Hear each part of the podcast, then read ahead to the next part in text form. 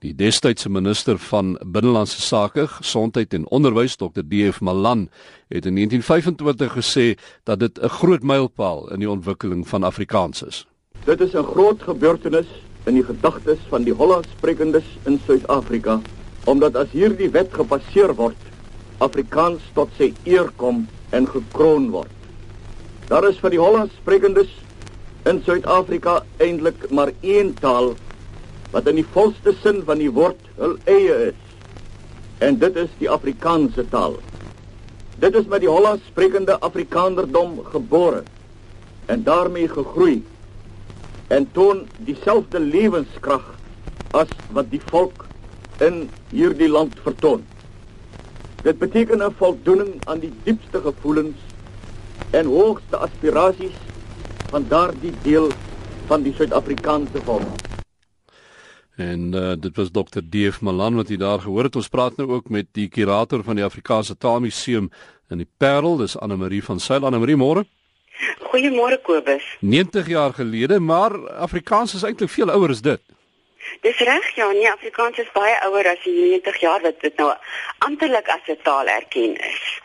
Dit was eintlik al ehm um, daar's mense wat sê dat al reeds in die 1500s is die saadjie vir Afrikaans al geplant toe die ehm um, vaders hier om om ons kus gekom het en met die plaaslike mense begin ehm um, praat het.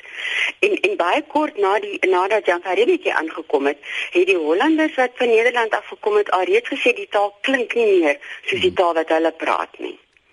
En in 1875 natuurlik is die Genootskap vir Regte Afrikaners gestig wat nou die doel gehad het om Afrikaans 'n formele skryftaal te maak.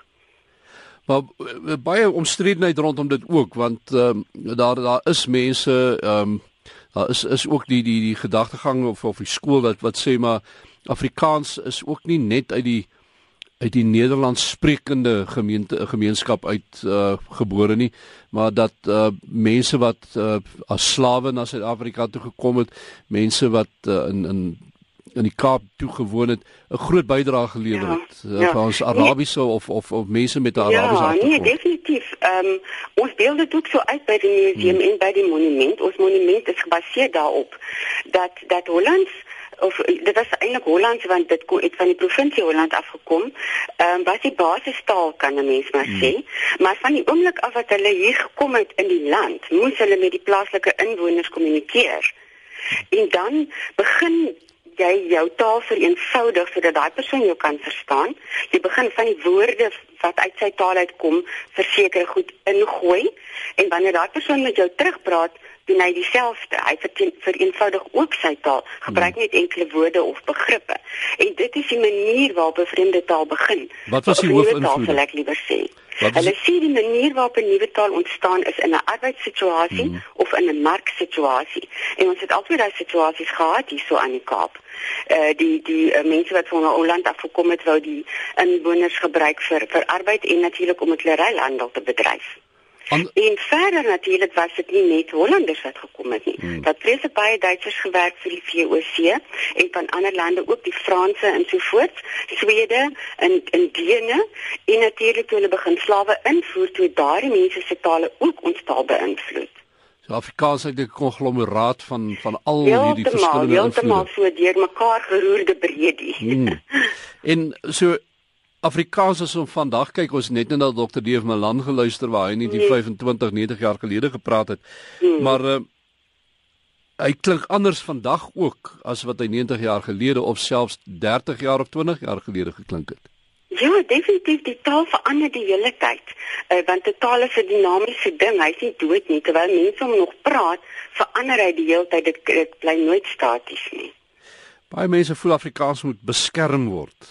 Is dit nodig dink jy? Weet jy, dit is 'n moeilike vraag want as jy mens kyk na Afrikaans, die gebruik van Afrikaans op voetsoervlak, dan is daar eintlik geweldige groei want ons het na 7 miljoen uh, moedertaalsprekers van Afrikaans volgens die laaste sensus en dit was 'n toename van die vorige sensus af. En as jy kyk na al die Afrikaanse liedjies, Afrikaanse rolprente en goed wat deesdae vervaardig word, dan is Afrikaans definitief wakker en lewendig. Maar ek is baie bekommerd oor die afskaling van Afrikaans op op uh, vir die gevorderde funksies. Mm. Jy weet op universiteit en daai goed en dit het die ehm um, gevolg dat omdat mense voel dat hulle kinders beter gaan studeer in Engels op universiteit, begin hulle ook hulle kinders stuur na Engelse skole toe. So op daai manier verloor Afrikaans sy hoë funksies. En en dit is vir my nogal belangrik en en dit is my hartseer ding en dit laat my wonder. Ek dis hoekom ek, ek, ek wat wat die dit laat die vraag ontstaan by my dat wie is die mense wat die grootste bydrae gaan lewer tot die behoud van Afrikaans want Afrikaanse mense kla aan die een kant oor die druk waaronder die taal geplaas word maar 'n groot klomp van hulle plaas self druk op die taal juis soos jy nou gesê het ons ja. stuur kinders na Engelse skole toe mm -hmm. uh, want uh, jy gaan nou kwansuis beter in die sakewêreld nie dat dit dokter uh, Rupert byvoorbeeld geplaas nie uh, nee, maar nee, presies dis wat ek ook altyd mm. sê daar is talle mense tallose mense wat ehm um, dit baie ver gebring het in die internasionale arena met Afrikaans as taal wat hulle geleer het op skool en op universiteit. En uh, 'n voorbeeld wat ek nou aan dink is Japie van Sail wat wat ruimtetuie op die oomblik na Mars toe swaan help stuur aan Amerika so uh, ja. hy's 'n plat boerseun. So uh, dis die uitdaging nê, nee, as jy ja. uh, die taal laat oorleef moet jy hom praat. Dit is reg om te praat en jy moet aandring dat hy ordentlik gebruik word in in die hmm. handel byvoorbeeld. Ehm um, ons ons staan by en laat toe dat die banke en die winkels en alles net heeltemal net Engels word. So sê die kurator van die Afrikaanse Taalmuseum in die Parel, dis Anne Marie van Sail.